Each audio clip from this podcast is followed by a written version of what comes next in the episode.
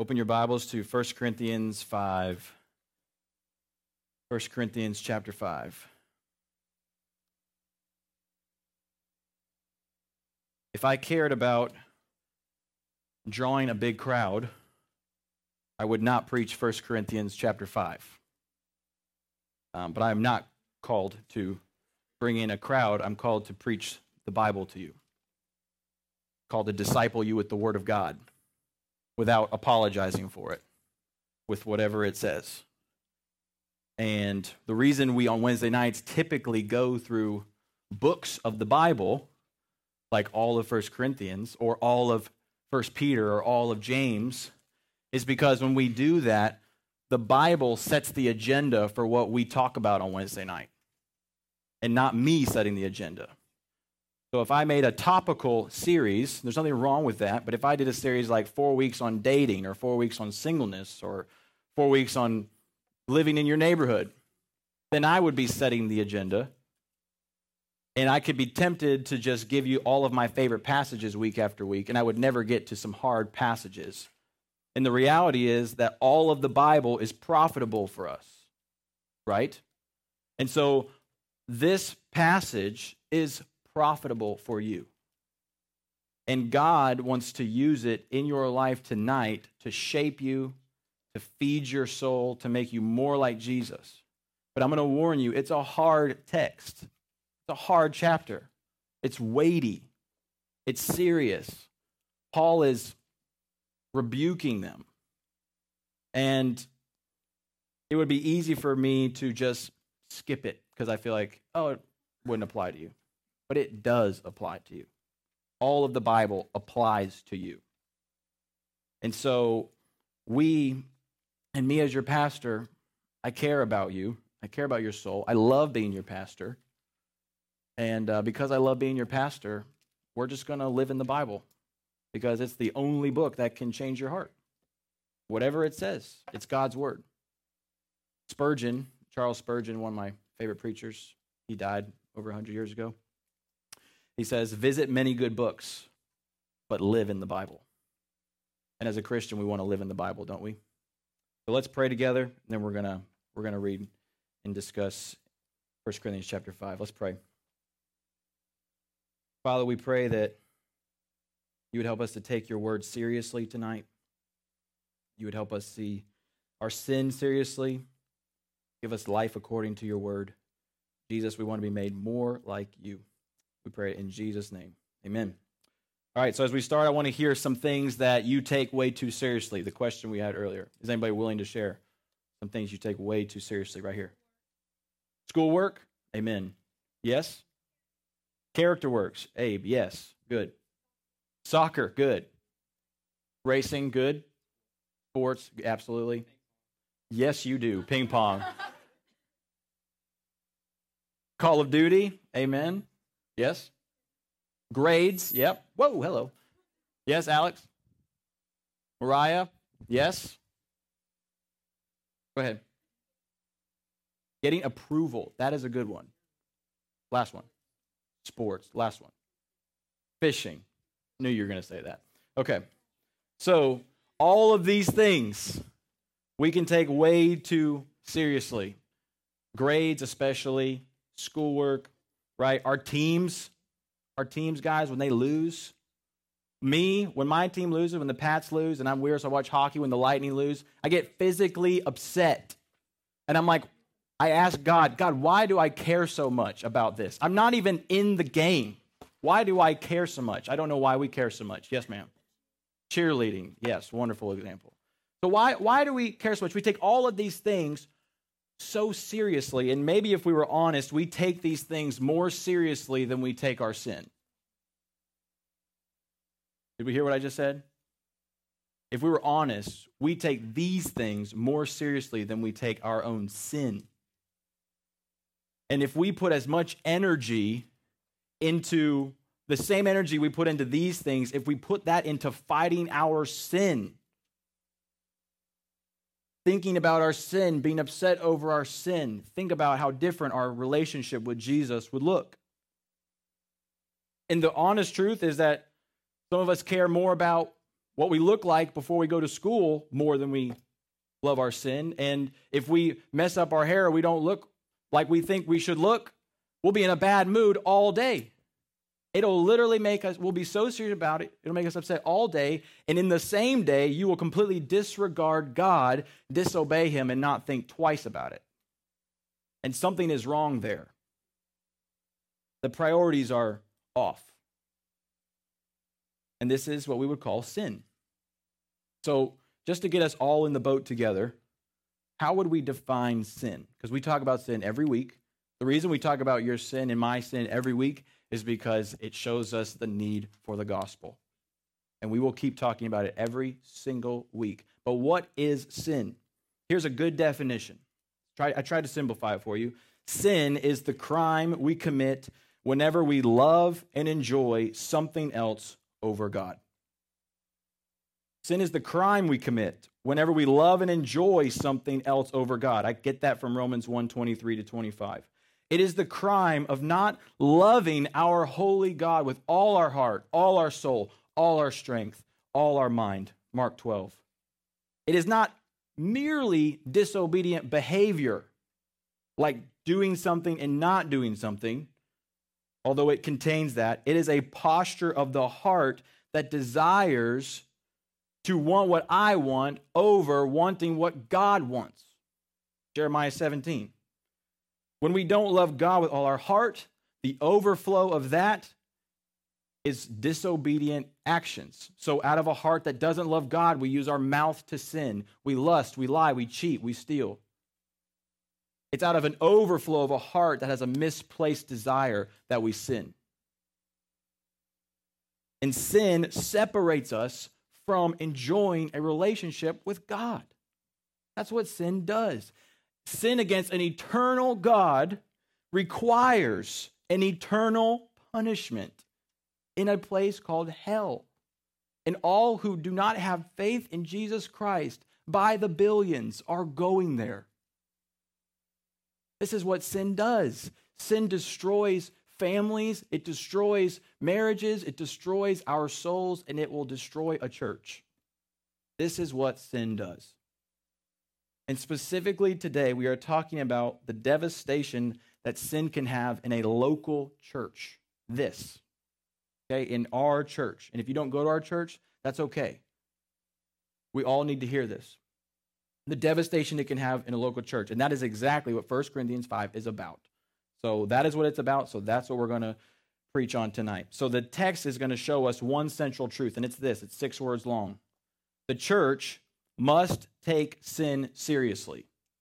That's what I want you to hear tonight. The church must take sin seriously. Period. The text is going to show us three implications of taking sin seriously. The first five verses, one to five, is going to answer how we take sin seriously. Six to eight is going to answer why we take it seriously. And nine to 13 is going to show us a result of having taken it seriously. So let's read. We're going to read it in chunks. So let's read the first five verses together. If you got your Bibles, if you don't, it'll be on the screen. 1 Corinthians 5 1 to 5. Follow along with me here. Paul says, verse 1 It is actually reported that there is sexual immorality among you, and of a kind that is not tolerated even among pagans for a man has his father's wife. Let me translate that for you.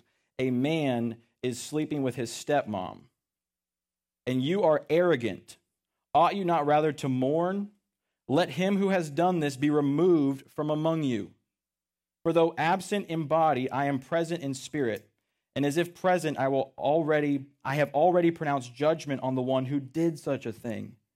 When you are assembled in the name of the Lord Jesus, and my spirit is present with the power of the Lord Jesus, you are to deliver this man over to Satan for the destruction of the flesh, so that his spirit may be saved in the day of the Lord. So, the first implication, the first point we have here is we take sin seriously by, every word is intentional here, by disciplining those living in unrepentant sin. Every point will start with those four words. We take sin seriously. So that second half, by disciplining those living in unrepentant sin. So the first five verses show us how the church deals with blatant sin. So in verse 1, Paul is addressing a very specific sin, a form of sexual immorality that was reported to him in the church. And sexual immorality, if you don't know, just bring us all together.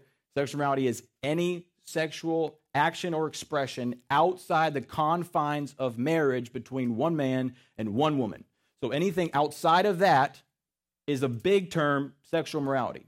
So this is a form of that. It's an incest relationship that is happening in the church, and they are tolerating it. And the church likely knew that it was wrong because it says in verse 1 that this is a sin that even the pagans look at, the unbelievers look at, and they go, that's a little messed up. And so the church, because that was culturally unacceptable, the church would have thought that was unacceptable, but they are still tolerating it and they're not doing anything about it. They're not dealing with it so as to not upset or offend the man or not kick him out of the church. It's possible this was a wealthy man and they don't leave they don't want him to leave the church. And so they're not dealing with his sin. And they're tolerating it. And look at verse 2. Paul tells them, he says, and you're arrogant. Basically, you're bragging about your walks with Christ. You're puffed up. Chapter 4, verse 6, he called them puffed up. One of the common, most common descriptions that Paul uses for this church is puffed up. They're arrogant. They're bragging about their walks with Christ. And they're laughing about sin, and sin is destroying the church. It's destroying their walks with Christ. It's destroying their witness. And they should be broken. They should be crying, not laughing. Sin left untouched in the church acts like a forest fire that goes unkept. You light a match in a forest, you don't deal with it, it's going to spread and light the entire forest on fire. That's how sin acts in the church. And you can tell your friend how wonderfully green and vibrant your forest is, and all the while he's like, Bro, turn around. Your, your forest is burning to the ground. I don't know what you're talking about. That's what sin does in the church. And sin kills us. And why would we take lightly what kills us and what kills other people? Romans 8:13 says, "If you live according to the flesh, you will die. But if by the Spirit you put to death the deeds of the body, you will live." John Owen is a Puritan in the 1600s, and he says this little phrase, "Be killing sin, or it will be killing you." Be killing sin, or it will be killing you. What if you had stage four lung cancer? Would you take that lightly? Or would you fight it? Would you get treatment? Would you get help? Would you tell somebody that you are sick? Would you go to the hospital? You would do all of those things. And the one thing you would not do is brag about how awesome your health is. And that's exactly what is happening here. And this is not good is not good. Students, what are we watching when we turn on Netflix? Movies with sexual inappropriate scenes in them. The stuff that we say behind others' back that we would never say to their face. The, the schoolwork that you cut corners on to cheat so you can get a better grade. The stuff that you scroll to find on your phone, on Instagram, Snapchat. What is it that's going into your brain that you're engaged in ongoing? Because sin is serious. And I want you to be aware of this phrase. Everybody, bring it in right here. Be careful and be aware when you start to say things like, oh, but it doesn't affect me. That's a problem if sin doesn't affect you. If you're watching nudity on Netflix and HBO saying it doesn't affect me, that's a problem. Do not grow numb to what is killing you. This is the way that leads to destruction. And those who find it are many, Jesus tells us. So run to Jesus. There is hope. You can come to Jesus anytime you want and confess your sin, and He will forgive you of your sin. And He will stop the forest in your life from burning. This is serious stuff. In verses 3 to 5, Paul then instructs them about an individual in the church, how to deal with a very specific case, right? So he's talking about this man who's in this inappropriate relationship, and he tells them to remove him from the fellowship. Look at verse 4. He says, When you are assembled, when you're gathered as a church, in the name of the Lord Jesus, and my spirit is present with the power of the Lord Jesus, you are to deliver this man over to Satan for the destruction of the flesh, so that his spirit may be saved in the day of the Lord. Now, we typically don't tell people to be delivered over to Satan. So let me explain what this means. So when he says to deliver this man over to Satan, what he, this is just a way of Paul saying you need to consider him an unbeliever. He needs to be removed from the church. The reason for this is because in uh, Ephesians 2 2 and 2 Corinthians 4 4, Satan is called the, the prince of the power of the air that's at work in the sons of disobedience. He's the God of this world, blinding the minds of unbelievers. And so Satan is, in a sense, ruling over unbelievers, right? Because they're not ruled by the Holy Spirit. And so when he says that, he just means that this person needs to be counted as an unbeliever. And if you saw 1 Timothy 1:20, you would see Paul addressing two brothers saying they need to be handed over to Satan as well um, because they were they had shipwrecked their faith. And so Paul talks like this. And he says for the destruction of the flesh that they might be saved. The purpose of this is so that this man will not die in his sin. It is so that this man will be restored and repent. The purpose of removing him is so that he will be so broken over his sin that he will come back to Jesus. That's the goal. So this is not like when your football team cuts a wide receiver because he's acting a fool and just like peace out. This is not that. This is not the church just eliminating people because we can. This is after a very long process, seeking the person's salvation and repentance.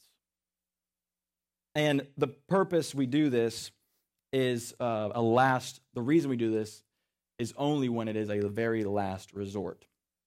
So Second Corinthians 7:10 first says, For godly grief produces a repentance that leads to salvation without regret whereas worldly grief produces death. So we want the individual who's unrepentant to come to a godly grief that will produce repentance that leads to their salvation. That's the purpose here. But this is a long process. So let me explain what a process would look like of disciplining a church member who has wandered away into sin. This is what it would look like practically for you. This would be following a model set by Jesus in Matthew 18, 15 to 20. We will not read it, but it would follow that model. So here's what it would look like. Practically, teenager, uh, let's say you have a friend and they are cheating publicly, openly, all right? And it's obvious to many people, all right?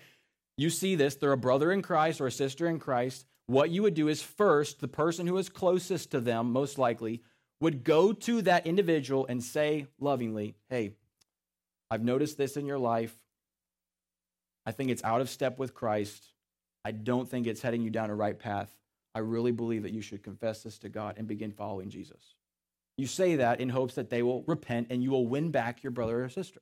Okay? If they do not receive that and they reject that, okay, then the Bible says that we should go back get a couple of other friends that can verify this provable sin in someone's life. You come and you bring them to this brother or sister. And we say, hey, we together, we're very concerned about you. We love you. We care about you. We want you to turn away from this and start living in holiness and following Christ. If they reject that, then you can bring it before the church. So you, as a teenager, could bring it to me about your concern about this individual. Okay? And then we as pastors would work together to see the right steps from there of how to handle a situation. And every situation is different. There is no one size fits all on church discipline. Okay? Uh, it could be different for adults and teenagers, children, and elderly. In the situation with all the different elements, it looks very different. But you bring it to us, and then we can begin the steps of working through that and what to do with this individual. And then at the very last case, if nothing else will get this brother or sister to repent, then we begin to say, we cannot verify any longer that you follow Jesus because there is no evidence in your life that that's true. And so we now have to count you until proven otherwise as an unbeliever. And we have to remove you from membership from the church. That's how this works. And that would be very practical for you. You guys understand? You following that? But that is the last case. The goal is for them to repent long before you get to the very last spot. That's why there's so many steps. So this is not you walking around seeing a, a bro fall into sin one time and you're like, hand him over to Satan. This is not that, okay? This is long process procedure where the church together works on this. And the reason we do this is because we take sin seriously. When you become a member of the church here, you sign up to be a part of a body of believers who are going to keep you accountable to walk with Jesus. So when you sign up as a church member, when you become a member, you are literally saying, if I step out of line, I need you to call me on it. Church, brothers and sisters, I need you to hold me in check to follow Jesus. And I'm okay that you're going to do that. So, students, you need to go to a trusted friend. Guys, go to another trusted bro. Girls, go another trusted girl and say, if I step out of line walking with Jesus, I give you full permission to correct me. And I will take it as you loving me. Right? That's what we need to do. That's how we help each other follow Jesus. That brother right there, I told him if I step out of line, he has full permission to punch me right in the face. Okay? Not literally, but maybe literally. And he knows what I mean by that. It means do whatever he can to make sure that I follow Christ.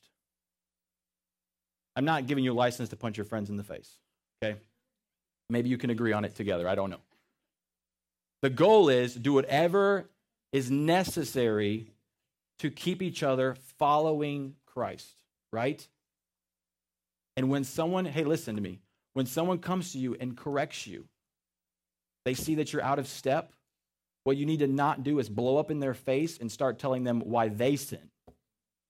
You need to humbly say, Oh my gosh, I didn't see that. I've totally missed that. You're right.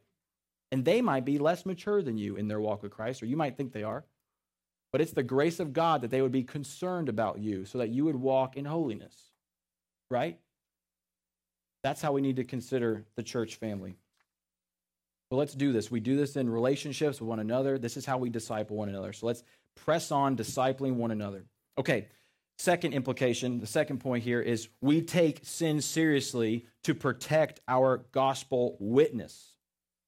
To protect our gospel witness. This answers the question of why we take sin seriously. So in verses 6 to 8, let's read that real quick. Hang on, because this might sound a little confusing. We will explain. So, verse 6 Your boasting is not good. Do you not know that a little leaven leavens the whole lump? Cleanse out the old leaven that you may be a new lump as you really are unleavened. For Christ, our Passover lamb, has been sacrificed. Let us therefore celebrate the festival not with the old leaven, the leaven of malice and evil, but with the unleavened bread of sincerity and truth. You're like, what is all the leaven talk and the bread talk? I am completely lost. That is okay, we will explain. So when he talks about the leaven here, this is a reference. He's using an illustration, a picture, an example from the Old Testament of the celebration of the Passover. So, if you don't know, the Passover was a feast that was a symbolic feast when, when God delivered the Israelites from Egypt, and it was a symbolic feast that pointed forward to Christ, the Passover lamb.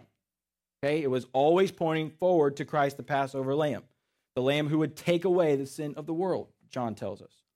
And part of this feast every year was eating unleavened bread, a symbol of holiness, purified Unleavened bread means, if you don't know, bread that does not have leaven in it. That's pretty self explanatory. But if you can't, don't worry about that. If you can't understand really what leaven is like, it's like yeast, okay? The best way to think about it is bread with yeast in it. We all know that dough, when it does not have yeast in it, right, doesn't rise, correct?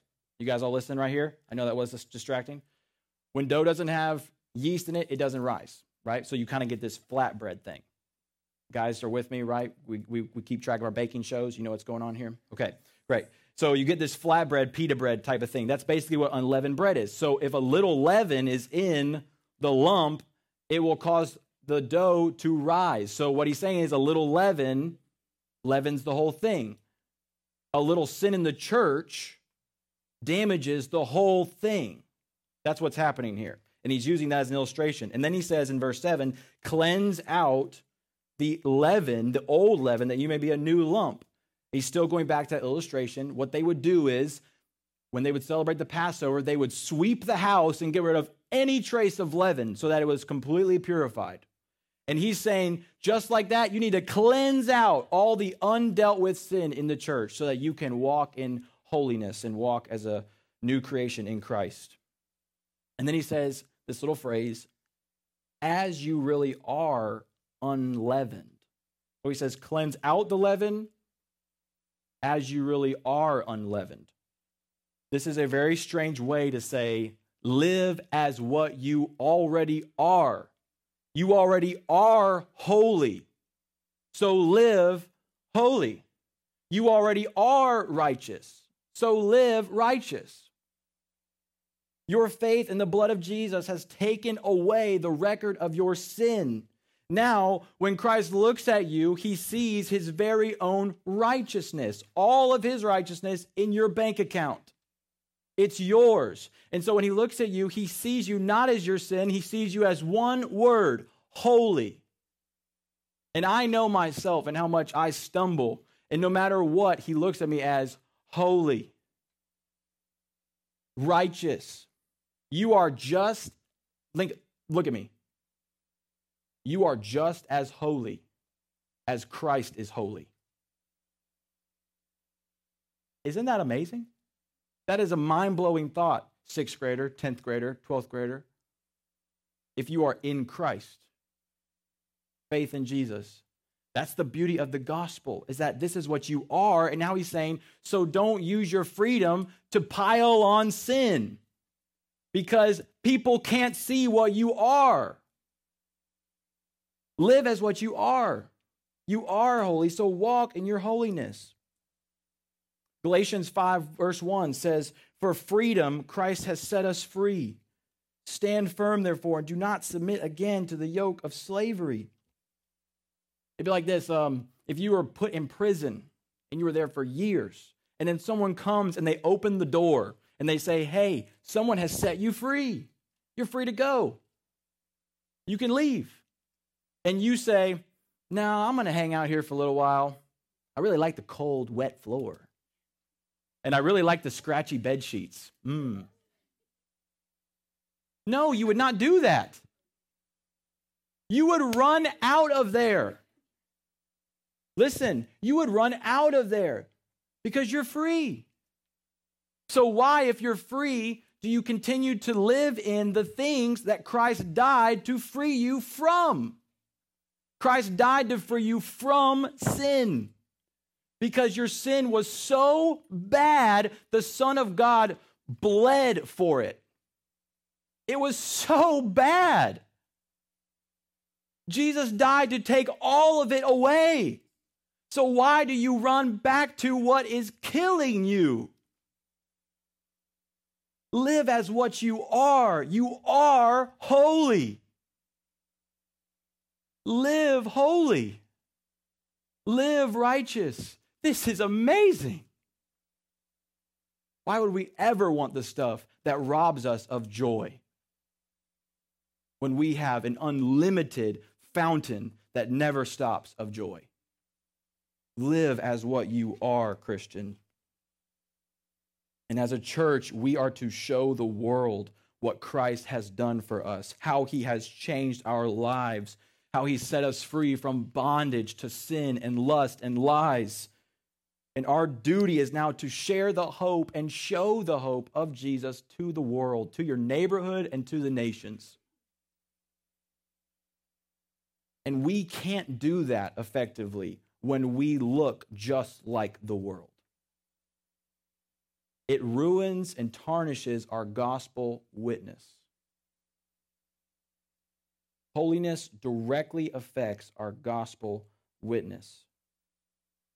And so if you're a person who is you, are a person who's at school, you go to this church, let's say, and you're you're cheating again. Let's use that example again. You're cheating and you openly look just like everyone else who's cheating, and you tell someone that you go to Swift Creek and that you're a Christian. And then someone else goes along and tries to share the gospel with someone in your school and you're telling them how amazing Jesus is and how he can set you free, and they say, What church did you go to again? Swift Creek? You're a Christian? Well, I know Johnny, and he doesn't look anything like a Christian, but he says he is, and he goes to your church. So why do I want that Jesus? It obviously makes no difference in his life. You see how one person's not walking in holiness affects the witness of the church. And that's just real. That's a real example. It affects the witness. Students, protect the gospel witness of the church. Third and final point we take seriously, we take sin seriously. Therefore, some relationships have to change. This shows us a result of taking sin seriously. This is a hard this is a hard reality because I feel this. When I was in 8th and ninth grade, I lived this. And we'll talk about that in just a minute. In, in verses 9 to, let's read 9 to 11 first, then we'll do 12 to 13 separately. So 9 to 11, he says, I wrote to you in my letter not to associate with sexual immoral people. Not at all meaning the sexually immoral of this world, or the greedy, or the swindlers, or the idolaters, since then you'd have to go out of the world. But I am writing to you not to associate with anyone who bears the name of brother if he is guilty of sexual immorality or greed, or is an idolater, reviler, drunkard, or swindler, not even to eat with such a one. So when Paul says this, it's obvious from verse 9 that he has already written them a prior letter, giving them instructions not to deal with sexually immoral people. And the church likely misunderstood him and thought that he meant don't associate with the sexually immoral people of the world, and they still ignored that. So they were misunderstood, and they still didn't listen to what they misunderstood. And so Paul hears about this and he says, No, I did not mean don't associate with the unbelievers in the world because then you'd have to leave the world. You can't get away from unbelievers. You'd have to move to the desert or become a monk. And that's not what we're called to. We're called to engage the world, the lost world, with the hope of Jesus who saves sinners. Listen, Jesus ate with sinners. Jesus is called a friend of sinners. Y'all look right here. Jesus is called a friend of sinners. Living a holy life, we see in verse 10, is not about boycotting people or brands or stores. That's not what it means to live a Christian life. It's about engaging the lost world with the gospel. Jesus even says in John 17, 15, Father, I pray that you don't take them out of the world, but that you keep them from the evil one. Be in the world, not of the world. That's the calling of the Christian life. And that's what he's saying in verses 9 and 10. And then in verse 11, he says the, the demand of the Christian is actually much harder than that. That would be easy to what I'm about to tell you to do. I'm telling you not to associate with someone who calls themselves a brother or sister in Christ while walking in unrepentant, open, flagrant sin. Paul's charge is to the person, is about the person who the church can no longer verify that they are a follower of Jesus that person. He's saying they love their sin and you need to not associate with them anymore. You need to no longer call them a believer.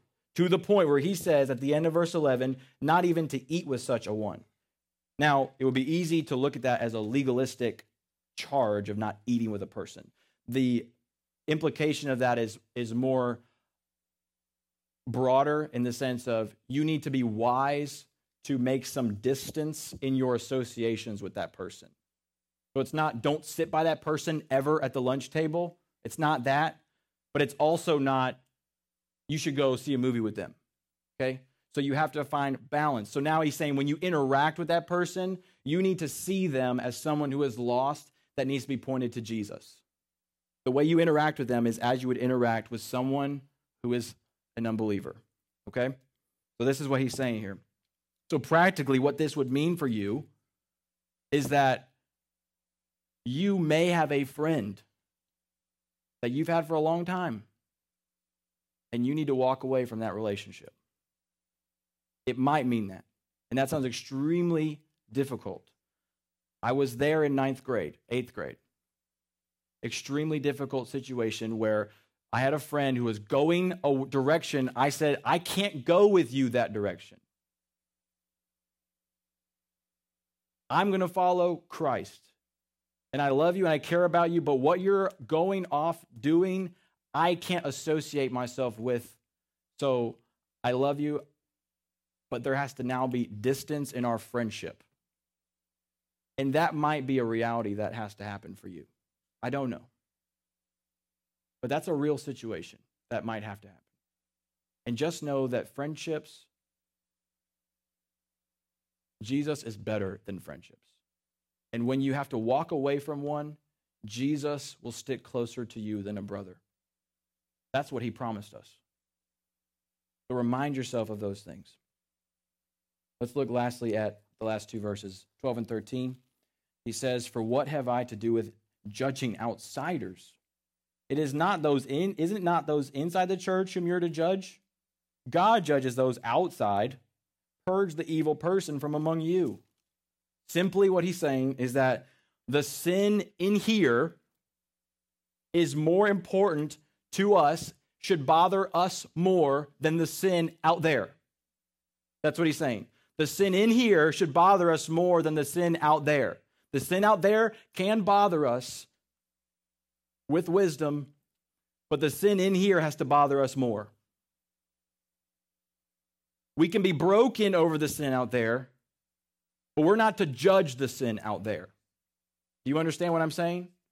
But we are called to judge the sin in here, calling it out. Okay, so this would look like when people, we often get this so backwards. We get this so backwards. This is, this is why so many of us go, I cannot believe he would live that lifestyle.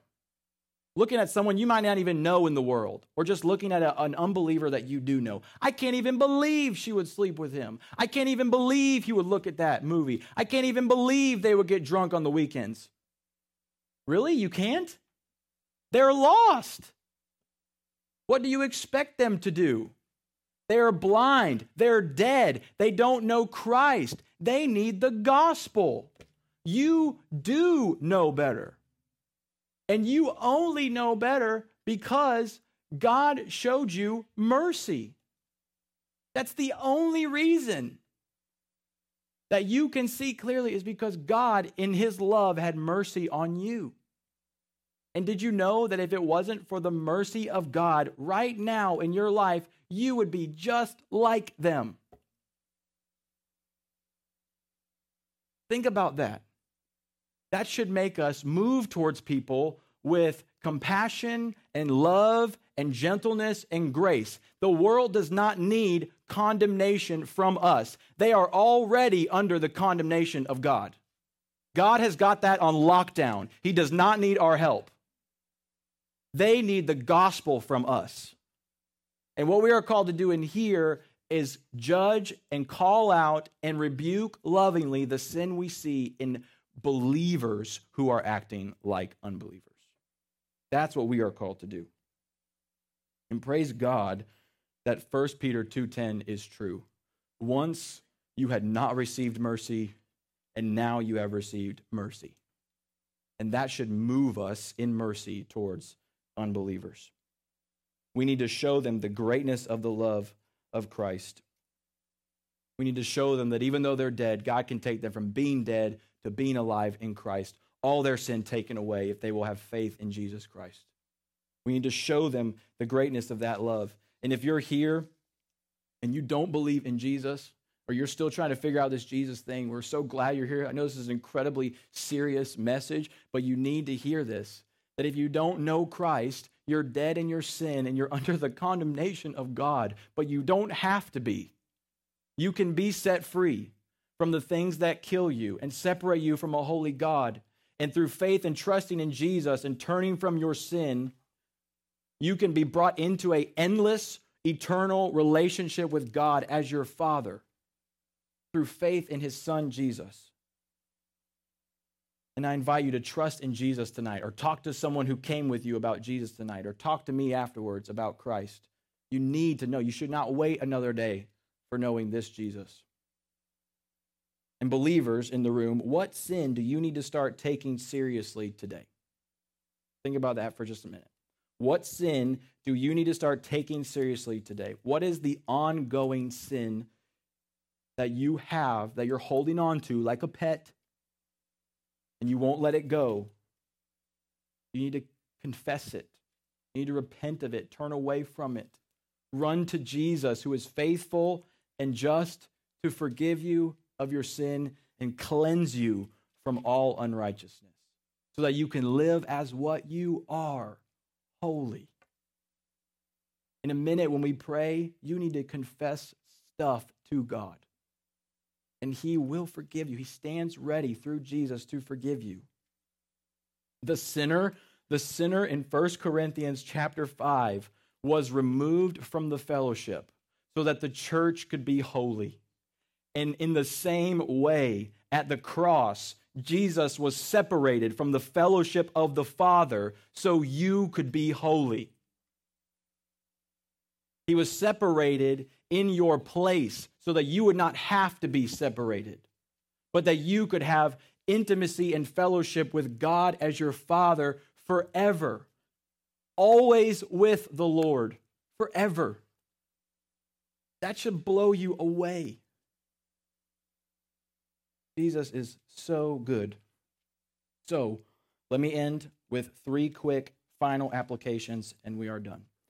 Final applications. First one find someone, teenagers, to keep you accountable. Some, someone that you trust that can help you walk in holiness, walk and follow Jesus. If you don't have one, someone like this, you need to find someone like this. We have those little white discipling booklets. In it are accountability questions, hard questions that will help you stay walking faithfully with Christ. I encourage you to grab one of those, find a friend, and then help each other fight sin and take it seriously. And when you confess sin to one another, it should be pretty hard and awkward. And you know why? It's because that means you understand the seriousness of your sin. If you flippantly just told what you were doing with no remorse, it would show that you actually may not care that much about your sin. And so it's okay that it's a little difficult. That means that it's you understand the seriousness of it and then you fight it together. You help each other and build each other up and fight it together. Okay, application number 2. Confess. Oh, okay. I need to slow down here. You all need to listen to this one. I'm going to push you here. Confess an ongoing sin if it's serious to mom or dad. It's often easier to confess to a friend. It's often harder to confess to mom or dad. And this is a powerful way that you can remove the devil's grip on you to live in darkness. And when you confess to mom or dad, it is extremely hard. But if they are Christians, they love you, they care about you, and they will be happy, not about your struggle, but they will be happy that you are confessing your struggle to them. And they will be thrilled that you trusted them with this information and that you are broken over it. And they want to help you because they want you to live for Jesus. And if you can be brave and trust God and do that, I think you will find greater joy on the other side. Some that you didn't realize you were missing. There is a joy that is found in a transparency at home.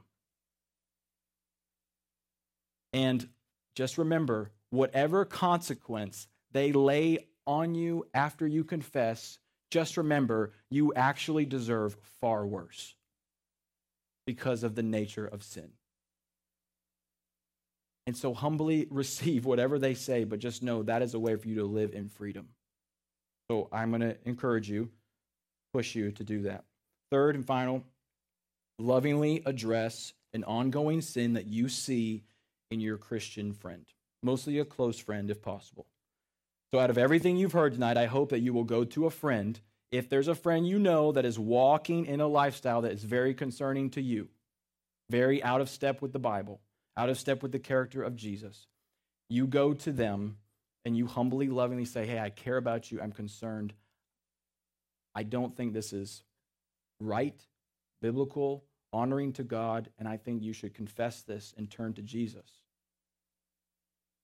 I want you to encourage you to do that. If you see someone you love stepping out of line, we are called to do this. Excuse me. So if that's you, I encourage you to do this. And then help them, and then help them follow Christ in this area. So let's keep each other accountable. Let's take sin seriously. Let's live as what we are holy.